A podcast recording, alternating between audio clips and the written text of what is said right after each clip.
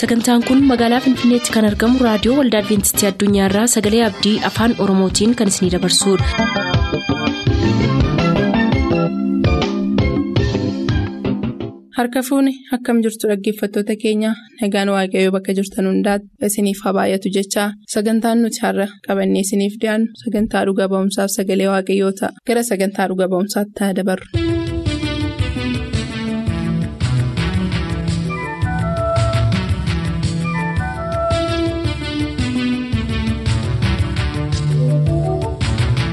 Kabajamtootaaf jaallatamtoota dhaggeeffatoota sagalee abdii nagaan waaqayyoo bakka jirtan hundumaatti sinaa qaqqabu. Akkam jirtu? Har'as jaalala waaqayyoo taanaan sagantaa dhuga ba'iisaa keenya jalatti keessummaa addaa siniif qabannee dhiyaanneerra keessummaa nuti har'a siniif qabannee dhiyaanne kanarraa waan dhageessaniin barumsa guddaa akka barattan abdii guutuu qabna. Mee gara dhuga ba'iisa keenyaatti hin darbiin keessummaa keenyaa wajjiniin wal isin barsiisaa nu hordofaa.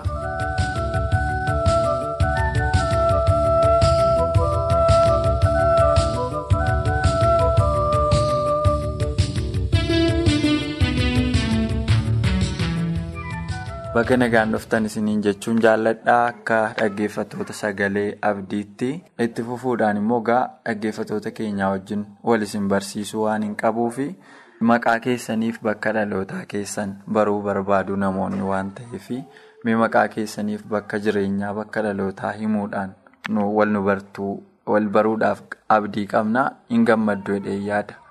Ani baay'een gammada dubbii waaqayyootti sagalee kanaaf carraa kan argachuu koottis nan gammada. Ani maqaan koo obbo Taaddasaa Immaanaan jedhama. Bakki dhaloota kootii godina Wallaggaa dhiyaa aanaa boojii coqorsaa ganda warra jirru soobir keessattan dhaladhee indaganaa deebiseetanii ergasii warra keenya wajjiniin gandaa warra sayyoo koobbaraa bakka jedhamutti ijoollummaa kootiin galeen achitti waldaa warra wangeela makaana iyyesuusitti dhaqee amanuudhaan kiristaana ta'eetan dubbii waaqayyoo hordofaa ture. Achi keessattuu hin jiruu. Mana barumsaa galee baradhee mana barumsaa kurraa ergan deebi'ee booda carraa argadheen mana macaafaa macaafa qulqulluu akkan baradhuu fi dhaqee mana barumsaa makaana yesus macaafa qulqulluu dhaqee baradhee. Eessatti barattan? Mana barumsaa kanaa seminarii mana barumsaa Najjoo Alaltuu Iddoo bakka jedhamu irratti baradhe. Erga isa xumurree booddee. Macaafa kana qorannaa keessaa gaaf tokko iddoo tokkotanii macaafa keessaa utuun taa'ee dubbisuu waan tokko arge. Iddoon arge kuni mul'ata boqonnaa digdamii lama lakkoofsa kudha saddeeti amma digdamaatti sagalee waaqayyootu macaafa na keessatti isa caafamerraatti namni dabalee dhahichi barabaraatti dabalama namni hir'ise immoo jireenya barabaraa keessaa hir'ata fidala tokkorraa hir'isuun hin danda'amu kan jedhu sagalee kana ergan argee booddeetanii. Adeemsa macaafa kanaa qorachuudhaa fi isa kanfaa irratti hir'atee isa kanfaatu guutuudha jedheeni macaafa qorachuutti gadi deebi'e. Yeroon macaafa kana qorachuutti ka'uu jalqabumaan dhaquun Maatiyoos boqonnaa shan lakkoofsa kudha torba amma kudha saddeetiitti argadhe. Gooftaan keenya yesus kiristoos yeroo dubbatu ani seeraaf raajota diiguudhaaf hin dhumne jabeessuudhaafan dhufe malee jedha iddoo kanatti. Erga akkas ta'eetii ammas deebiseen naqeen Wangeela Yohaannis boqonnaa kudha sadii lakkoofsa tokko amma kudha torbaarra kan jiru dubbii waaqayyoon dubbisee.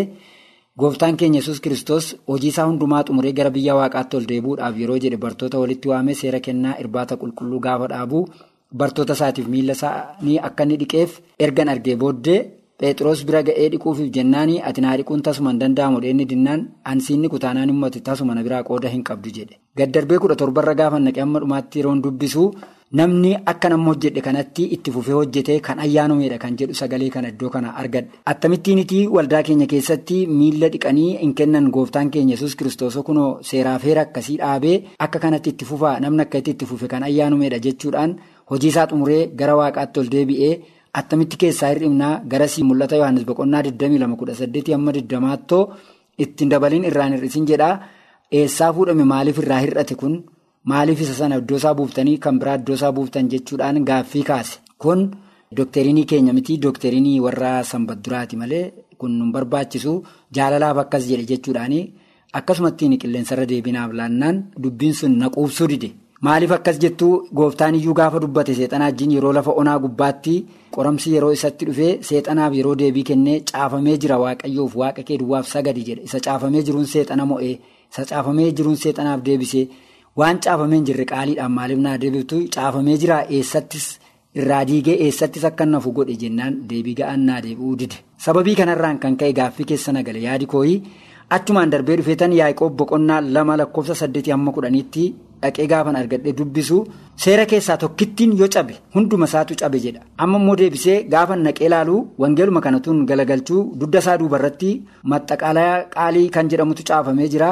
Sanbat jedhee caafetu sanbatni kun sanbata warra ihudotaa isa nu jennu isa guyyaa qidaamee yoo sanbata duraa isa nu jennu sanbati isa jedhee caafee jira. Kunisoo raagaa nuu ba'a akkamittiin sanbati waaqayyoo kun immoo gara sanbata guddaatti achi as jijjiiramuu danda'e. Ammas gaaffii gaafannaani gooftaa keenyatu gaafa sanaa du'ee du'a keessaa ka'ee kanaafiti waaqessinaa jedhani. Gooftaan gaafa sanaa du'a keessaa yeroo ka'ee inni hojii hojjete wangeelaa Yohaannis boqonnaa 20 lakkoofsa 17 gubbaatti. Bartoonni isaa gara isaa dhaqanii gaafa jalqaba torbanii sanaa ani ganaan gara abbaa kootii dhaqeen gara abbaa keessanii gara abbaa kootii dhaqeen deebi'a hamma sanatti dhaqaa akkan ka'e misiraachoo him jedhee dubartii maariyaam jedhamtutti yoo dubbate jedhee kunoo akka kanatti wangeela yohannis boqonnaa 20 lakkoofsi 17 gubbaatii kaasee yeroo dubbifnu. Kana ibsaa innuu gaafa sana hojii hojjete innuu gara waaqaatti ol ba'e karaarra deemaa ture gara waaqaatti ol ba'e malee.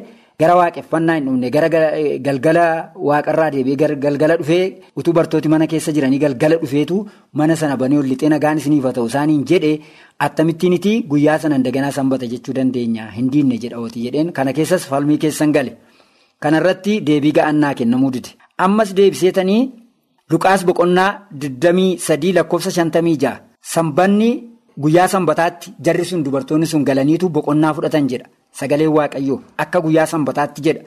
Bara sana keessas gooftaa yesus lafarra bara ture keessattis kan inni waaqessaa ture guyyaa sanbataa sana mana qulqullummaa galee hin barsiisa ture jedha sagaleen waaqayyoo. Kun immoo akkamittiin diigamuu danda'e jedheetan gaaffii kana kaasee deebii ga'an kana keessaa dhabe.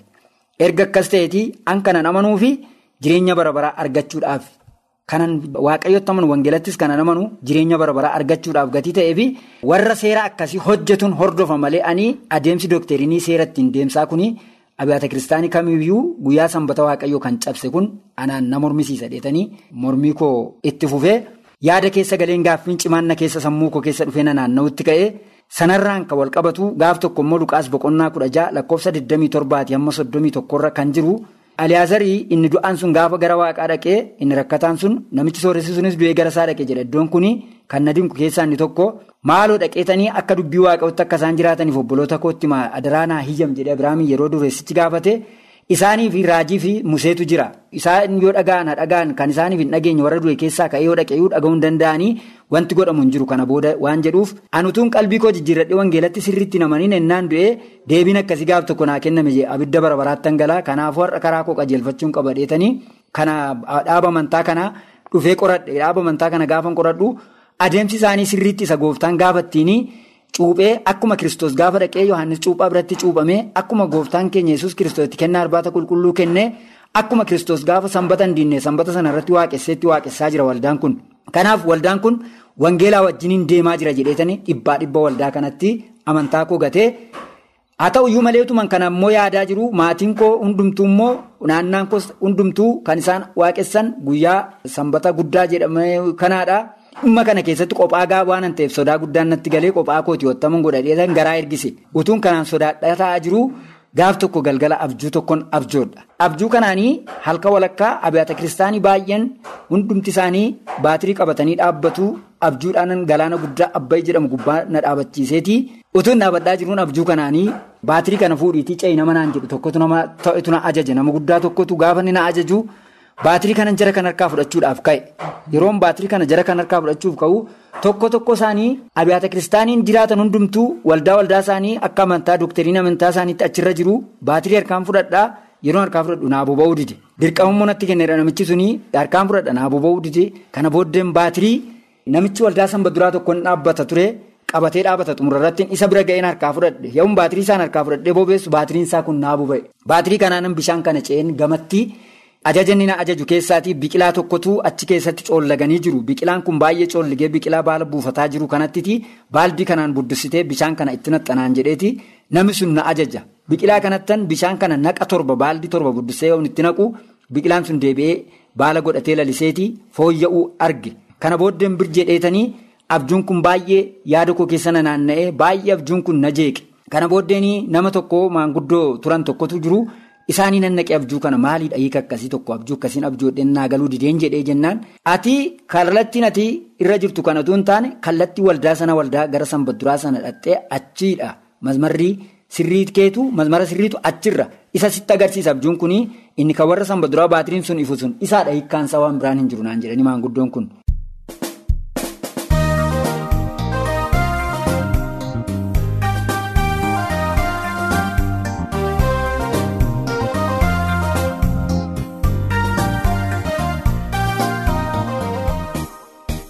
Egaa kabajamoo hordoftoota sagalee abdii turtii har'aa obbo Taaddasee Imaanaa waliin gootaniin hedduu eebbifamtaniittu jedhee yaada.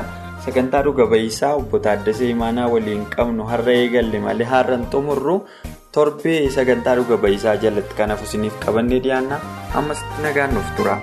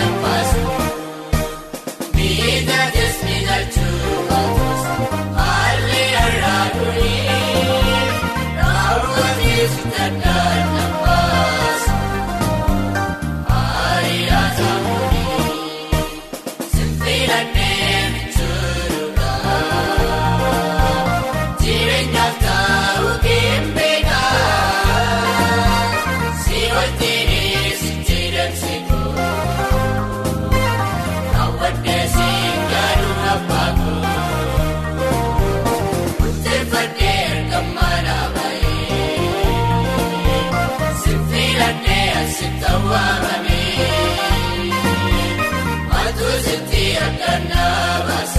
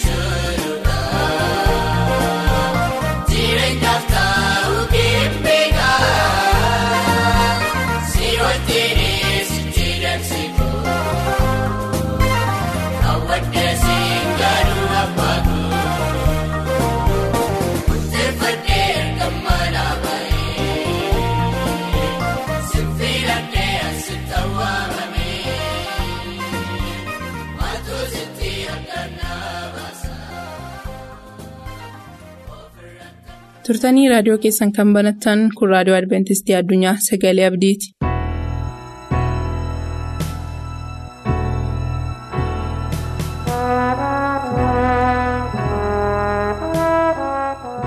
Akkam jirtu kabajamoota dhaggeeffattoota keenyaa bakka jirtan hundumaatti ayyaanni waaqayyoo isiniif haa baay'atu. Amma immoo lallaba keenya mi'a lolaa kan waaqayyoo kan jedhu kutaa shanaffaasaa guyyaa kanatti fufna.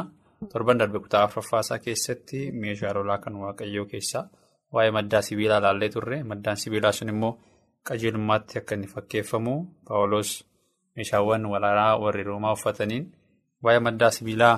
qajeelummaatti fakkeessee akka inni nu barsiise qajeelummaa kana immoo kitaabni qulqulluun waa'ee isaa dheebochuun akka nurra jiru beela'uunis akka nurra jiru nutti dubbata akkasumas immoo duraan dursitanii mootummaa waaqayyoo fi qajeelummaa isaa yaadaa jedha dursinee yaaduun kan nurra jiru waa'ee qajeelummaa kanaa akka ta'e kitaabni qulqulluun dubbata akkasumas kitaabni qulqulluun keessaa kan laalle waa'ee meeshaa waraanaa kana keessaa onnee keenya yookiin immoo kutaawwan qaama keenyaa keessaa naannoo laphee keenyaa naannoo onnee keenyaa kan jiran.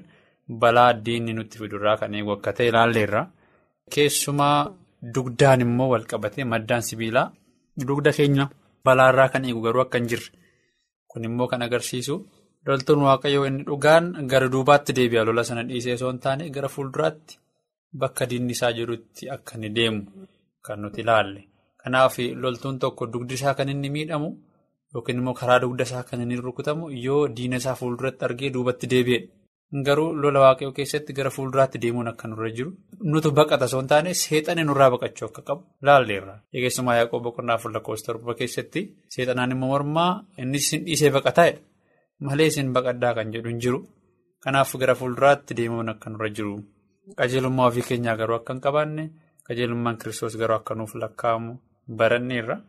Har'a immoo meeshaa waraanaa keessaa isa kan biraa baranna waa'ee kopheetti kan nuti barannu. Kanaafiyyuu akka nama kophee kaa'atutti wangeela nagaa sana uffadhaa jedha. Amma immoo Paawuloos hubannaa waa'ee meeshaa waraanaatiin qabuun ilaalchise loltoonni waraanaa warra Roomaa kophee guddaa ta'e kan uffatan qabu. Kopheen sun immoo kophee baay'ee cimaa ta'e yommuu gammoojjii keessa deeman ho'a gara miila isaaniitti kan hin finne akkasumas qoraattii keessallee yoo deeman qoraattiin sun kophee sana keessa darbee kan isaan waraanu osoo hin taane kopheen sun qoraattii sanallee kan cabsu akka ta'e.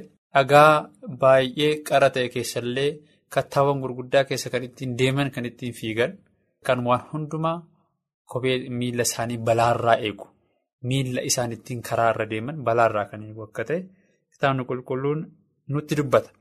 Kanaaf kopheen kun keessumaa kutaawwan qaama keenyaa jilbaa gadi kan inni balaarraa ittisu loltoonni roomaas kutaawwan qaama isaanii keessaa jilbaa gadi kan jiru faana isaanii koomee isaanii dabalatee. Balaarraa ittisaa jechuudha. Kanaaf loltoota kiristoos taane lola hafuuraa isa guddaa sana keessatti yommuu lollu nutis kophee uffannu qabna. Kopheen sunis karaa keenya akka inni nuu qajeelchu. Karaan sun yoo hamamellee ulfaate yoo qoraattiin irra jiraatellee yoo kattaan miila namaa muru yoo irra jiraatellee yoo waan nama rakkisu waan miila namaa gubu yoo jiraatellee sana hundumaa kan damdamachiisu karaa keenya immoo kan nuuf qajeelchu akka ta'e keessumaa immoo kopheen sun. Miilli keenya akka hin dadhabne lukti keenya sun akka hin dadhabne balaa luka keenya irra dhufu hunduma isaa ofiisaa kan ofirraa ittisu akka ta'e innis immoo wangeela akka ta'e kan isin dhibu immoo kophee lama godhata wangeelli keenya sun immoo kutaa lama akka qabu kakuu haaraaf kakuu moofaa akka qabu kitaabni qulqulluun ni dubbata. Egaa kanaa wajjin wal qabatee faarfannaa boqonnaa soddomii torba lakkoofsa sagal keessatti akkas jedha waaqayyoon abdiidhaan eeggadhu karaa isaarraa akka hin jallannes eeggadhu. Karaarraa jallachuun nurra hin jiru. Kanaaf karaa sirrii ta'e irra deemuutu nurra jiraata. Miilli keenya karaa sana haala sirrii ta'e irra hordofootu irra jiraata. Biyya akka qabaattuuf ulfina siif hin kenna lafarraa balleeffamuu warra jalootaas argiteen gammaddaa'edha. Itti dabalee faarfannaa dhibbaaf kudha sagal lakkoofsa sagalirraa dargaggeessi maaliin adeemsa isaa qullaa'ummaatti eeguu danda'a jedha. Akka dubbii keetti adeemsa isaa qajeelfachuudhaan eeggachuu danda'a. Kanaaf miilla isaa adeemsa isaa.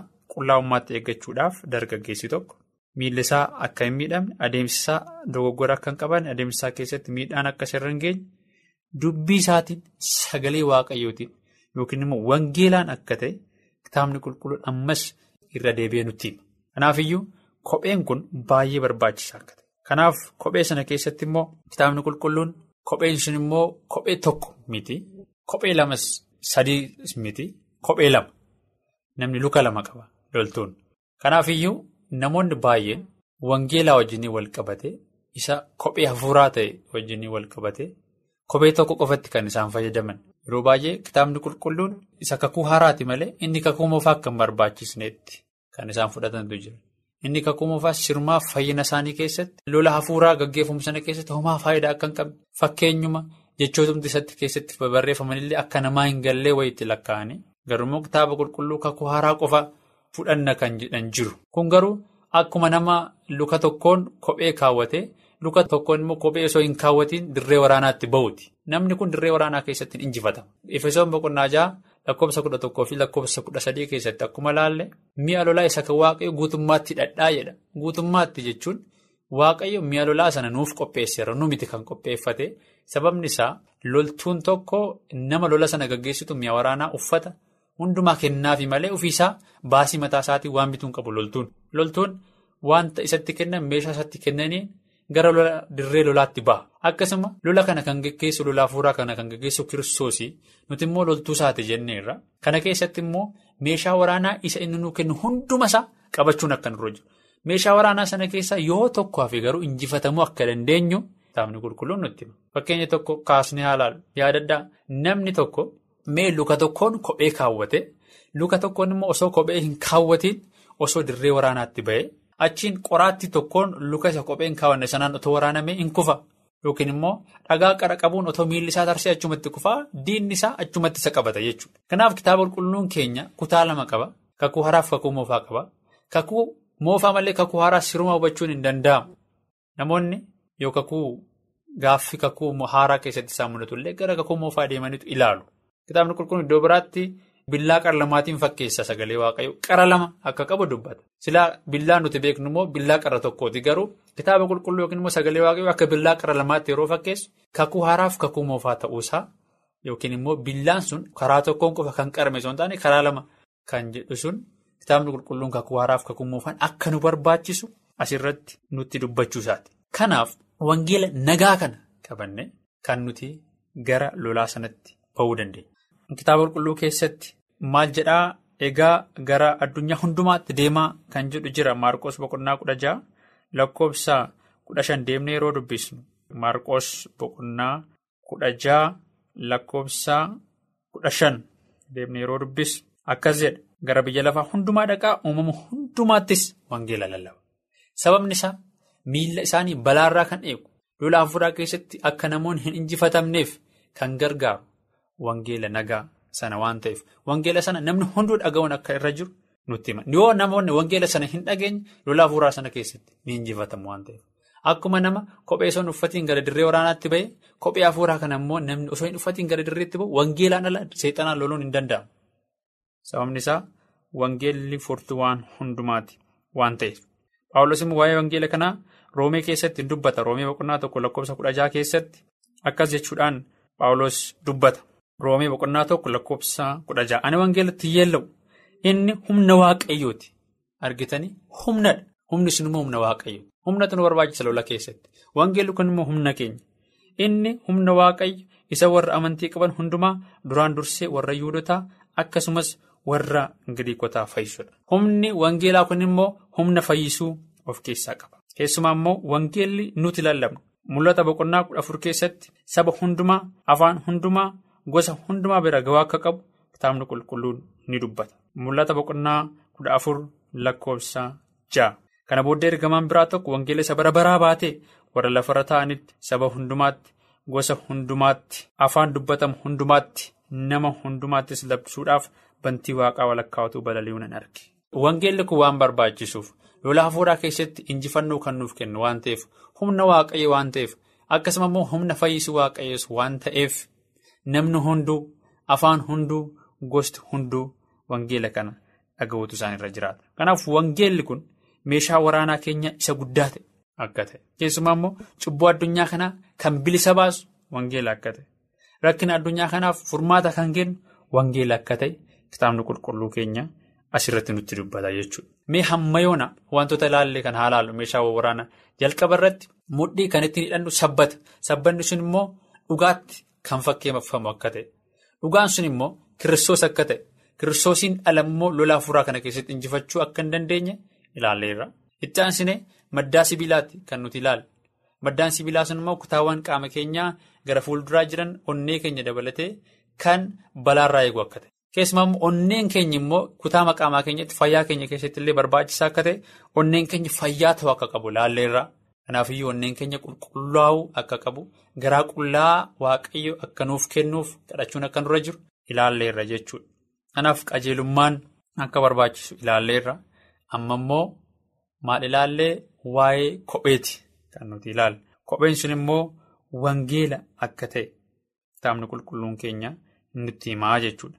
Kanaaf wangeelli kun immoo wangeela walakkaa osoo hin taane wangeela guutuu akka ta'e kakuun haaraanis kakuun moofaanis kutaa fayyinaa keenyaa keessatti iddoo olaanaa akka isaan qaban isa tokkoon fudhannee isa tokko dhiisuu akka hin dandeenye nutti dubbata jechuudha. Keessumaa immoo kan nuti irra deebinee ilaaluun nurra jiru kutaawwan qaama keenyaa isa duubaaf eeggannaan tokkollee akka hin kennamne waan ittiin uffannu akka hin kennamne sana jechuun hiikni hafuuraasaa loltuun waaqayyoo inni dhugaan gara seexanaatti akka deemu fuuldura seexanaatiin waaqayyoon jabina isaa godhatee akka deemu gara duubaatti deebi'uu akka hin qabne kufuun akka nurra hin jiraanne kitaabni qulqulluun nutti hima.